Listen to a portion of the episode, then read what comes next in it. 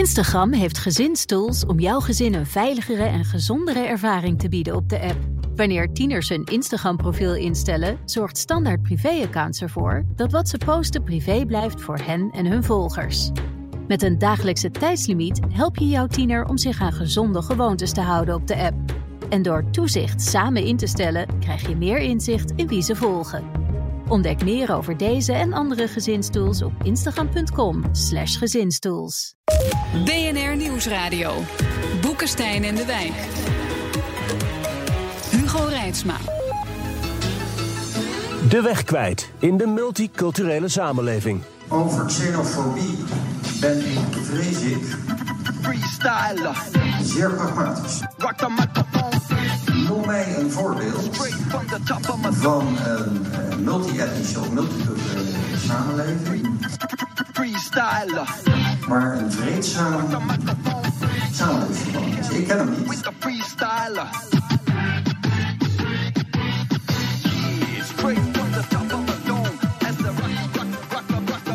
Minister Blok, freestyling voor de zomer over het vermogen van mensen om samen te leven met anderen. Deze week in de Kamer nam hij dat terug en mocht aanblijven. Is meneer Blok een beetje in de war? Of is er meer aan de hand? Welkom bij Boekenstein en de Wijk op zoek naar de multiculturele wereldorde. Met in de studio partijgenoot van Blok, maar aanhanger van een andere genetische theorie. Arend Jan Boekenstein. Welke? En hij was meteen geïnteresseerd in die Turkse bakker van Blok op Benoordenhout, Rob de Wijk. Die bestaat volgens mij niet eens. Onze gast eh, zit in de gemeenteraad van de multiculturele samenleving van ons land, Amsterdam. Voor de partij Bijeen. Dus als Blok nog eens in de war raakt over dit onderwerp, moet hij misschien gewoon even bellen met Sylvana Simons. Mag altijd. Welkom. Dank je. Ehm, met Bijeen, eerst artikel 1, deed je nog mee aan de Kamerverkiezingen. Het is Ja. de gemeenteraad geworden. Ja. Als je die Kamerdebatten van de week eh, zo ziet, denk je dan, nou, geef mij maar Amsterdam. Nee, dan vind ik het best jammer dat ik daar niet eh, bij ben. Vooral ook omdat ik denk dat er juist in de Tweede Kamer wel behoefte is aan een eh, wat meer pluriform geluid. Ik vond het debat ehm, voorspelbaar. En Mhm. ik denk dat we echt even na moeten denken. Hoe het met ons land gesteld is als Denk de enige partij is die echt stelling durft te nemen en eh, een minister verantwoordelijk durft te houden voor uitspraken die eh, in zijn functie zeer ongepast zijn, wat mij betreft. Hoe, hoe kijk je nou naar wat, wat Blok denkt? Want hij, eh, eerst had hij een heel verhaal, daarna Nou- kwam hij er niet alleen op terug, maar zei hij het niet te menen. Wat, wat maak je daar nou Ik van? vind dat gevaarlijk. Ik vind het gevaarlijk dat we nu officieel niet weten wat hij werkelijk denkt. En dat we een minister van Buitenlandse Zaken hebben die zegt... nou, het ene moment zeg ik dit, ik meen het niet... maar op dat moment denk ik dat het opportun is en dan zeg ik dat. Eh, diplomatie gaat volgens mij over vertrouwen, met, bij uitstek. Ehm, ik denk dat alle partijen eh, die met Blok te maken hebben... behoefte hebben aan eh, absoluut vertrouwen... Dat, dat ze te maken hebben met iemand die meent wat hij zegt. Mm, dat is wel handig in de diplomatie, hoewel dat met ministers van Buitenlandse Zaken de laatste tijd sowieso wel eens anders gaat. op dat punt. Uitjan, ehm, k- kan jij als partijgenoot eh, duiden hoe het nou zit in dat hoofd van meneer Blok? Kijk, woorden zijn als vuurpijlen, zei iemand in de krant. Hè? Je kan ze niet meer terugnemen, ze zijn gezegd. En het is volstrekt duidelijk dat hij dit, dit soort dingen vindt. Hij, hij nam dus dat woord... eh, Dus wat hij in de Kamer zei, dat is niet waar. Als hij Ja, zegt, dat ik vond dat niet. Het is natuurlijk een hele zwakke figuur. Hè? Van, ja, ik, ik, heb het anders bedoeld en zo. Kijk, weet je, je ziet steeds meer mensen die praten over genen en genetica. Het begon met eh Romar Tassing, die zei dat zwarte eh, mensen dommer waren dan witte mensen. Ja, dat is, dat is A, wetenschappelijk totale onzin. En B, het is levensgevaarlijk, want het is immoreel. En eh, moet je je voorstellen, van, ik geef eh, college aan eh, studenten met eh, allerlei kleuren. Hè? En stel je nou eens voor, je wil een goede baan hebben en je wil integreren. En Dan zegt de minister, zegt van, ja, weet je jongens, vreedzaam samenleving, dat kan eigenlijk helemaal niet. Nee, je bent genetisch minder waard. Ja. Ja. Nou ja, maar zo is het niet gezegd hoor. Ik bedoel, je moet ook wel even allemaal de transcriptie lezen van wat hij nou precies heeft gezegd. Hij heeft niet de multiculturele samenleving afgeserveerd. Want in het begin begint hij te zeggen van die multiculturele samenleving is ontzettend belangrijk. Maar er is een onderstroom in de maatschappij die zich daar totaal niet in herkent en die zichzelf bedreigd voelt. En wij moeten, en dat is een opgave voor de redelijke middenpartijen, wij moeten daar wat aan doen. Dat hij vervolgens eh, de wijze waarop hij het zegt, eh, vond ook hoor echt dat hij uit de bocht vloog. Maar een aantal zaken, weet je, ik zeg ook wel, het zit in mijn genen. Weet Ja, je, maar je Eh, bent geen dat- minister van Buitenlandse Zaken. Nee, die staat maar- te praten voor 70 topambtenaren. Nou, topambtenaar, maar goed, in ieder geval mensen die in de, in de, in de NGO-wereld werkzaam zijn. Ja, hij had dat daar nooit mogen zeggen op deze manier. Daar zijn we het volstrekt volstrekt over eens. Maar wat mijn probleem is. eh, jij zei, eh Sylvana, het was een voors- voorspelbaar debat. Vaker met Kamerdebatten. Dat was het ook. Ik bedoel, ik, ik zag. Eerlijk eh, toegegeven, ik heb het allemaal gezien voordat het op televisie kwam. Mijn, eh, eh, mijn, eh, mijn eerste opmerking was eh, in de richting van Sembla. Hoor eens, ik, ik wil hier niet aan meewerken. Want dit is een voorspelbaar debat. Precies heel aan wat jij zegt. Rechts zal het ermee eens zijn, links is er mee oneens... en eh, Suriname staat op zijn achterste benen. Nou, precies zo is het gegaan. En waar het over zou moeten gaan... dat is wat is hier nou eigenlijk aan de hand? Ik vond wat hij in het begin zei... zonder nou Blok helemaal te verdedigen... maar wat hij in het begin zei in de transcriptie... van dat er een grote groep mensen in Nederland zich achtergesteld voelt... zich bedreigd voelt eh, door terrorisme, door vluchtelingen, door migranten... dat is wel een serieus punt. Daar moeten we het wel over hebben. En ik heb ook in een column in Trouw heb ik gezegd van, ja hoor eens, als je het daar niet over gaat hebben... is wat mij betreft het debat mislukt. Maar- en volgens mij is er niet over gegaan. Maar Rob, Nou, maar Rob ja. luister eens. Als Ja. je dat, dat, dat debat moet je dus niet vervuilen... met die onzinnige opmerking over genen. Kijk, zoals hij het zei, was het... eh, dat al onze genen zijn dus fout. En vreedzaam samenleven kan niet. Nee, Hoe- dat heeft, nee, waarschijnlijk hij zit kent- hij ergens kent diep de in plek onze niet waar het genen kan. dat we een overzichtelijke groep willen hebben die groot genoeg is om mee te jagen of een dorpje te onderhouden. Het is inderdaad een feit, ja, sorry, dat mensen een overzichtelijke groep willen hebben. Een deel van de jaar woon ik in Frankrijk. Daar hoef je als Nederlanders niet eens Frans te spreken. Maar dat Want je heeft- gaat naar een Nederlandse bakker en maar een dat heeft Nederlandse de arts. genen en je niks te maken. Dat is het punt. Dat heeft met Nederlandse niks te maar maken. eh, eh, eh, ik zei net ook, eh, je kunt het ook overdrachtelijk zien. Hè, van, Nee, je kunt. Je, nee, ja, dat, dat sorry. vind ik wel. Zodra we gaan praten over. eh, eh, en dan chargeer ik Ja. nu, hè? Ja. eh, eh, eh, superieure en, min, en inferieure genen. De eh, eh, eh, ehm, sociaal-maatschappelijk gedrag dat aangestuurd niet wordt door. gezegd, Nee, maar dat is, wat, dat is wat het publiek hoort als een minister van Buitenlandse Zaken zegt: Ik ken geen samenleving waarin mensen eh, eh, Vreedzaam, vreedzaam samen multicultureel. Dat, is, onzin. Dat is levensgevaarlijk. Ja, dat stond- maar dat stond ben los ik het- van die genendiscussie. Nee, niet voor degene die dat ontvangt van een minister van Buitenlandse Zaken. Die, die, dat staat dan niet los. Als Arend Jan dan zegt, je vervuilt op die manier die discussie... dan ben ik het eh, volledig met hem eens. Ik ben wel met je eens dat als wij een discussie willen voeren in dit land... over de multiculturele samenleving in al haar facetten... dat we pijnlijk eerlijk moeten zijn tegen elkaar. Dus ja, we moeten de problemen benoemen. We moeten ook heel goed kijken naar de oorzaken... en stoppen met die oorzaken vinden in eh, platitudes Ja, of emoties die, die, die, die, je die, die, eens. die Ja. mensen eh, makkelijk raken. Nee. Tegelijkertijd, en ik heb dat gisteren toevallig in de Amsterdamse gemeenteraad ook benadrukt, eh, kunnen we dat pas doen als wij ook kijken naar ons aandeel. Als we onszelf tot stakeholder maken, we willen dat het beter gaat. Wat kunnen wij dan doen? Waar ligt onze verantwoordelijkheid ook voor het ontstaan van dat probleem? Want die angst voor de ander, die wordt ook ingegeven door politici die zeggen: daar moet jij bang voor zijn. Ja. Het feit dat, jij, dat jouw salaris eh, eh, eh, niet genoeg groeit, komt door de migrant. Ja. Het feit dat jij lang op een woning Ja, dat moet is, wachten, dat komt door de migrant. Dus je zegt eigenlijk het probleem dat Blok wil aankaarten... dat veroorzaakt hij zelf met dit soort uitspraken. 100 procent. De polarisatie in de samenleving is, gebeurt niet tussen buren in, in, in bepaalde wijken. Gebeurt niet tussen kinderen op scholen. doen politici. Dat doen politici. En Ja. ze doen dat. En dat is het gevaarlijke Dat en het ben ik met enge. je eens. Willens Ja. en wetens. Ja, maar goed, dat laat onverlet dat ik vind. En hier zijn wij absoluut het eens. Het debat moet gaan over inderdaad die multiculturele samenleving. En hoe het toch kan eh, dat groepen op een aantal punten niet goed met elkaar eh, kunnen samenleven. En bovendien in Nederland, eerlijk gezegd, valt er nog wel mee. Ja, daar ben ik ook eens. Eén aspect waar Laten de ook Kamer natuurlijk ook eh, naar moet kijken in zo'n debat... Is, is deze minister nog geloofwaardig? Kan die zijn werk nog doen als minister van Buitenlandse Zaken? We hebben natuurlijk eerder een minister van Buitenlandse Zaken gehad... die ook wat gekke dingen zei. Daarvan zei hij ook Rob, eh, die, moet weg, die kan niet door. Nee, die kan niet door. Hier Is is, dat het- nu niet Nee, hetzelfde? Want kijk, hij heeft iets lulligs gezegd over Suriname. Eh, had hij gewoon iets- absoluut niet moeten Ja. doen. Bovendien was het onjuist wat hij zei. Eh, Suriname is formeel geen veldstede. Het gaat veel verder, sorry. Ik wil daar toch op reageren. Ik ben geboren in Suriname. Ja. Eh, ik heb een, een, eh, een warm hart voor dat land. Hij, hij zei niet iets lulligs over Suriname. Hij zei als vertegenwoordiger van een Ja, ja, land nee, dat een ander land gekoloniseerd heeft en mede verantwoordelijk is voor de staat waarin dat land zich ver- eh, eh, bevindt. Zei hij niet zomaar iets lulligs. Hij zei niet, ik vind het daar niet leuk of het is daar Nee, altijd te dat het warm. een was. Als het al een failed state zou Het, zou- zijn... het is geen failed state. Het is geen failed state, maar als het al een failed state zou zijn, dan zou het een minister van Buitenlandse Zaken passen om ook daar de eigen verantwoordelijkheid te nemen en te zeggen. Dat is niet gezegd. Hè. Hij zei het is een failed state. Eh, Mee eens, maar dat heeft hij niet gezegd. Hij zei een failed state, is gewoon onzin. Het is geen failed state.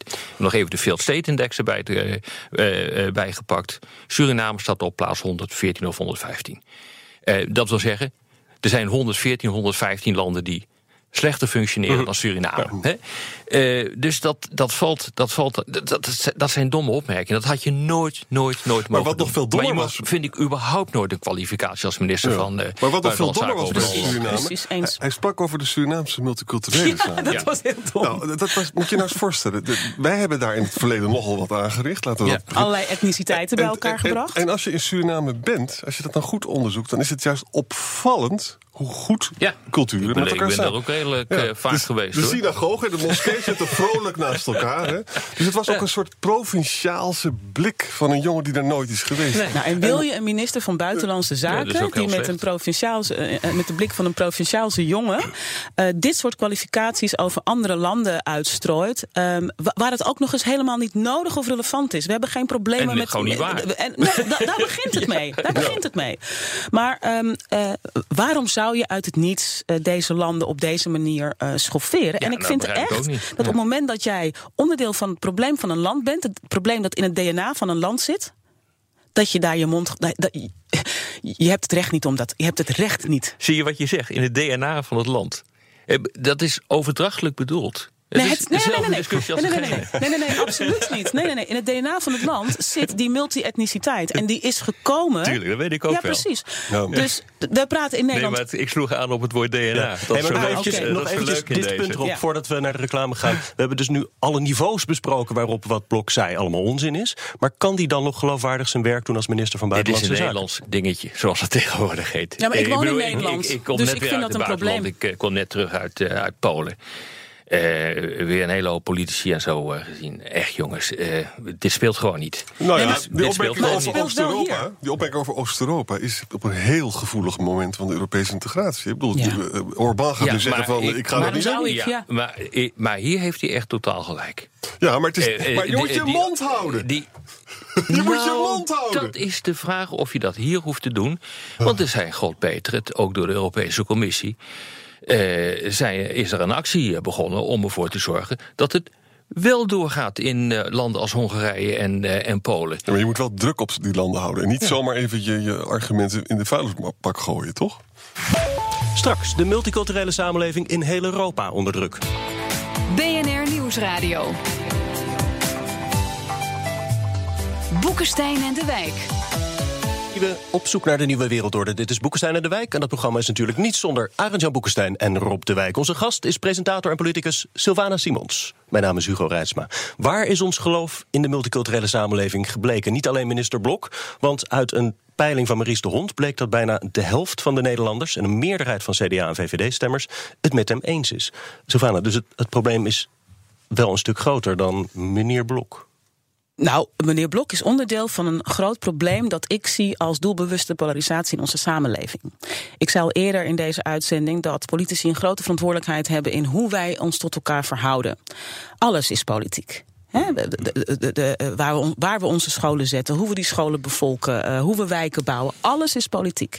En als je nou nagaat dat wij, eh, laten we zeggen, in de jaren 50, 60, 70, toen er veel migratie naar dit land plaatsvond, eh, dat wat er toen gebeurd is en de manier waarop toen met het vraagstuk is omgegaan, zijn weerslag nog in vandaag vindt. Dus dat is wel degelijk politiek. Ehm, dan is het natuurlijk niet gek dat de bevolking op enig moment, als jij 20, 30 jaar lang hoort dat het zo'n groot probleem is. En als alle problemen die, alle eh, eh, eh, tastbare problemen die jij in je leven ervaart, worden toegeschreven aan de ander, dan ga je op een bepaalde manier naar die ander kijken. En ik denk dat dat een ontzettend grote invloed heeft. En dat, dat het tijd is dat we daar ook met elkaar over praten. Hoe verhouden we ons tot elkaar? En ehm, welke invloed heeft de media natuurlijk? Dat is een, een belangrijke. Maar ook de politiek. Ik zeg altijd: woorden als kop voor de tax, die komen niet van de straat. Die zijn in een achterkamertje in Den Haag Haag verzonnen. Dat wordt op een gegeven moment salonveeg. Het wordt gewoon een normaal woord. Het wordt dobberneger. Het wordt kut-Marokkanen. Het, eh, allerlei woorden, hè, woorden doen ertoe, die wij gebruiken om de ander te duiden. Ook al is het entre nous. Hè, moet je toch met je vrienden gewoon kunnen zeggen. Ik, heb, ik zeg ook wel eens tegen mijn beste vriend... ach meid, zei ik niet zo. Hè? Dat, dat kan. Maar als ik dat in de publieke Nee, maar dan heb je wel een geluk, een voorbeeld, een, eh, echt een punt. Eh, Politici hebben gewoon een voorbeeldfunctie. En als je dus een negatieve voorbeeldfunctie wilt hebben, dan, dan ga je dat, dit soort termen gebruiken. Met alle gevolgen van dien. Ik bedoel, in extreme mate zien we dat dit op het ogenblik eh, gebeuren in Amerika. Waarbij men denkt, grote delen van de bevolking, dat liegen gewoon normaal is. Precies. En dat dat gesanctioneerd eh, wordt door, eh, door de president. En ik ben het wat dat betreft volstrekt met je eens. Daar moet je ongehoord mee uitkijken met dit soort en we moeten ook, ook niet bang zijn omdat, eh, om elkaar daar. Er was ooit iemand die zei tegen mij: ehm, Je moet mensen niet zo de maat nemen. Ik denk dat we elkaar wat vaker de maat mogen nemen. Met respect, eh, in, in- keurige bewoordingen. Als we zien dat een ander schadelijk gedrag of woordgebruik vertoont. En ik vind van de minister van Buitenlandse Zaken, ook al is het buitenland er niet rouwig om, het is mijn minister. Ja. Ik moet mij als Nederlander veilig voelen bij Gaat mijn het minister op van dit punt, zou jij zeggen, beter of slechter met Nederland? Eh, kun je dat specificeren? Het Nou punt ja, van- enerzijds heb je natuurlijk een, een, een, een multiculturele samenleving die steeds meer eh, de- de- bij elkaar komt. Eh, Mensen d- zitten meer bij elkaar op school. Je ziet Mhm. Ja. bijvoorbeeld dat het voor jeugd veel, veel makkelijker is. Aan de andere kant zie je steeds meer openlijk racisme. Dat je Ja. volgens mij 10, 20 jaar geleden niet zo duidelijk hoorde. Ja, het is natuurlijk logisch dat op het moment dat groepen zich emanciperen, en dat is ook de crux van, van, van, van deze discussie. We zeggen tegen mensen: emanciperen. Op het moment dat zij emanciperen en, laat ik zeggen, net zo bij de hand worden als de, eh, de, de autochtone Nederlander, voor for lack of a better eh, term, eh, dan zeggen we ja, hé, maar niet, niet te ver gaan nu. Hè? Wel gewoon weten dat je nog steeds dankbaar moet zijn dat je hier mag zijn. Dat er nog steeds van jou. Ik zeg altijd: het gaat over het recht op succes en het recht op falen. En een, een grote groep mensen in Nederland heeft niet hetzelfde op, recht op succes, maar al helemaal niet hetzelfde recht op falen. En dat doet iets met een bevolkingsgroep, met een zelfbeeld en met onderlinge verhoudingen. Ja, we- weet je wat, ik zou willen benadrukken is... er zijn allemaal mensen die schreeuwen met elkaar. Hè? En, en, en met name mensen die in een gebied wonen... waar nauwelijks mensen, moslims wonen of mensen met een kleur... die zijn heel erg anti. Een heel interessant gegeven. En daar Ja. is het precies ook zo. Hè? Nou... eh, Rob zei net van als feit en fictie vervloeien, als, als liegen gewoon wordt, dan, dan kunnen feiten ook niet meer genoemd worden. Nou, wat zijn nou de feiten nou wel? Als je kijkt naar zwarte kinderen op lagere scholen, dan worden ze stel, stelselmatig ondergeadviseerd. Hè? Dat heeft een verwoestende. Dat betekent dat je twee jaar verliest. Dan word je dus zo'n mammoetkind van vroeger. Hè? Ik zou zeggen, elke liberaal zou moeten zeggen... daar moeten we dus onze schouders onder zetten. Het wordt onrecht hier gedaan. Hè? We zien dat er dat mensen, eh, met- mensen met een kleur hebben problemen om stages te vinden. Ook studenten. En, en, daar, en ook bij banen. Nou, dat is gewoon echt zo. Arend Jan, het spijt me dat ik je in de reden val. Maar vanmorgen, eh, in, het- in het verlengde van wat jij zegt, ter bevestiging ook. Vanmorgen is er een artikel online verschenen van eh, Brand.nl, eh, de collega's. En die eh, hebben onderzoek gedaan naar ehm, het verschil in hoe vaak berichten van witte eh, mensen gedeeld worden ten opzichte van mensen van kleur of zwarte mensen. En dan zie je dus een factor van 1 op 5. Dus mensen. Dat ging bij vermiste eh, kinderen, toch? Eh, hij heeft volgens mij geen, ehm, eh, niet alleen naar kinderen gekeken. Maar vermiste personen. vermiste Ja. personen. En dan zie je dat een eh, wit vermist mens vijf keer meer aandacht krijgt op social media dan een zwart vermist mens.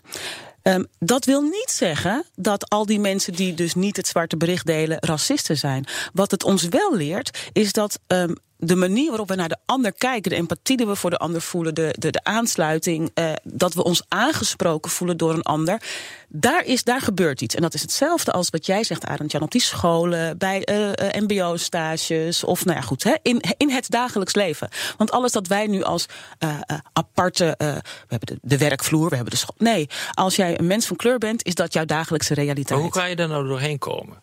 Nou, assimilatie is eigenlijk bijna onmogelijk, we weten al inmiddels. Ook ongewenst, assimilatie is voor niemand goed. Integratie is al heel erg lastig. Wat je dus vaak ziet is dat het ontaart in parallele samenlevingen... waarbij groepen eigenlijk naast elkaar wonen... en dat je de gekleurde en blanke wijken gaat, Op, eh, gaat dat is, krijgen. en dat is dus overheidshandelen, die wijken. Ja, maar hoe kan je hier nou doorheen? Want dit is een kwestie ook van mindset, een kwestie van bijna beschaving, cultuur. Ja. Hoe, hoe ga je hier nou doorheen? Ik bedoel, ik Nou, vind dat een hele lastige hoor. Ja, Zeker, maar je kan best zeggen, kijk, het- er zijn allemaal heilige huisjes waar je als liberaal niet over mag praten. Maar dat moeten we wel doen. Hè? Het is natuurlijk niet goed dat we witte en zwarte scholen hebben. Dat kan iedereen bedenken dat dat niet goed is. En, en, en een beleid om dat te proberen een beetje te bevorderen, worden bij een heleboel mensen boos. Maar er zijn goede argumenten om het wel te doen.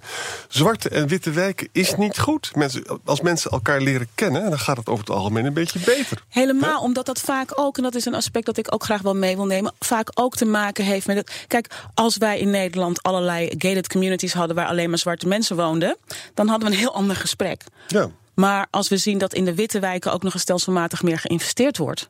Aan, aan, aan, aan openbare orde, veiligheid, eh, het schoonhouden van een wijk, eh, noem het maar op. eh, dan hebben we wel echt een probleem. En daarom ga ik dus terug naar de jaren 50, 60, 70. Toen segregatie een. ehm, eh, eigenlijk een, een, een politiek middel was om wel te profiteren van de arbeidsmigratie, maar er toch vooral niet te veel last van te hebben. En we dachten toen ook, misschien met alle goede bedoelingen, dat het wel fijn was als mensen samen konden leven en zich aan elkaar op konden trekken. En zo als groep konden assimileren. En daar is het denk ik misgegaan. We hebben nu te maken met een generatie, met name eh, jonge eh, eh, eh, tweede, derde, vierde generatie nieuwkomers. Ik weet zelf nog steeds niet tot welke groep ik dan behoor. Ik kom gewoon uit Nederland. Het lag alleen aan de andere kant van de wereld. Maar goed, die worden mondig. Die zijn zeer goed opgeleid. Ik denk dat we allemaal over tien jaar versteld staan dat we geen dokter, tandarts, advocaat, noem het maar op. eh, eh, eh, meer tegenkomen die geen kleur heeft of een hoofddoek draagt. Eh, maar we mo- moeten van onze maar geldt angst het af. omgekeerd ook niet? We moeten hè? van onze Want- angst af. Ja, mee eens. Maar geldt het omgekeerde ook niet? Hè? Er wordt iedere keer gezegd, die blanken eh, die willen niet in zo'n wijk wonen... waar veel gekleurde mensen wonen. Maar geldt het omgekeerde ook niet? Soms Want, ook. soms ook. terug naar Blok, die dus roept van... ja, er is een onbedwingbare neiging, of nou wel of niet in de genen zit... doet er even niet toe, om je Nee, naar de eigen toe. groep... Om je, om je naar de eigen groep, op, je, op de eigen groep te richten. Maar dat geldt feitelijk voor een hele hoop groepen. Of zie ik dat verkeerd? Nou, ik denk of dat geldt je- het alleen voor blanke Nederlanders? Nee. Ik denk het niet. Ik denk dat je niet moet vergeten dat niet iedereen de keuze heeft om te, eh, eh, echt te de favoriete plek te kiezen waar hij, zij Nee, of eh maar als mensen woont. ons allemaal. Nou, daarom haal ik klassen er ook bij. De zwarte wijken zijn niet 100% zwart. Het zijn wel de wijken met een grote zwarte populatie. En het zijn wel de wijken waar achterstand is in onderhoud. En waar scholen problemen hebben. En noem het maar op. Dus we moeten altijd, en daarom zijn wij als bijeen ook een partij die het woord intersectionaliteit hoog in het vaandel heeft staan. We moeten altijd kijken naar de verbanden tussen oorzaken van uitdagingen en de verbanden bij eh, eh, oplossingen. Ehm, in Amerika, en dat is wel interessant, ehm, zijn er heel veel zwarte scholen en zwarte universiteiten. Ja. En die hebben een fantastisch niveau. En als je Ja. daar vandaan komt, dan kun je met trots zeggen: I went to Tillman. Ja. Het gaat dus niet enkel en alleen om de samenstelling. Het gaat om de kwaliteit van leven, van onderwijs, van samenleven. Maar de discussie gaat wel over die samenstelling. Kunnen wij nog kort over de grens kijken? Want ik vind dat hoort bij dit programma. Eh, Je ziet eh, dit weekend verkiezingen in Zweden. Daar komt ook de anti-immigratiepartij eh, waarschijnlijk Ja. op, de, Ja. eh, op de tweede plaats. Ja. Het leek eerst nog wel eens eventjes de eerste plaats te kunnen worden. Je ziet dit, dit eigenlijk in heel Europa. Noorwegen zie je het ook. Komt dat door, door die, die achtergrond, Sylvana, die je ook duidt... van dat er is een aantal generaties die nu misschien doorbreekt in de, in de maatschappij... en dat dat die weerstand geeft? Of wat is de, de Het is reden dat, dat je dit overal ziet? de opkomst van populisme is vrij simpel. Dat heeft inderdaad te maken eh, met stagnatie van de inkomens... eigenlijk al twee decennia eh, achter elkaar.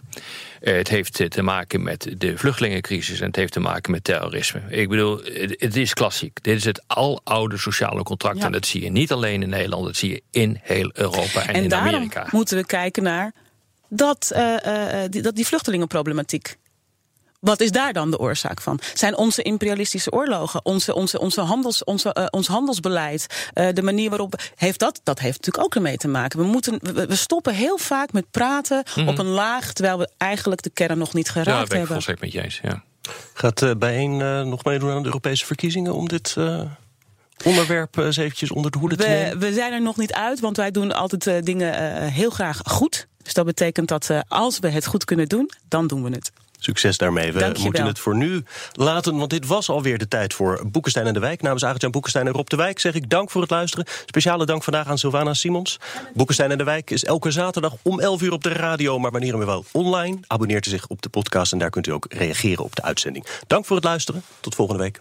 Instagram heeft gezinstools om jouw gezin een veiligere en gezondere ervaring te bieden op de app. Wanneer tieners een Instagram-profiel instellen, zorgt Standaard Privé-accounts ervoor dat wat ze posten privé blijft voor hen en hun volgers. Met een dagelijkse tijdslimiet help je jouw tiener om zich aan gezonde gewoontes te houden op de app. En door toezicht samen in te stellen, krijg je meer inzicht in wie ze volgen. Ontdek meer over deze en andere gezinstools op instagram.com/gezinstools.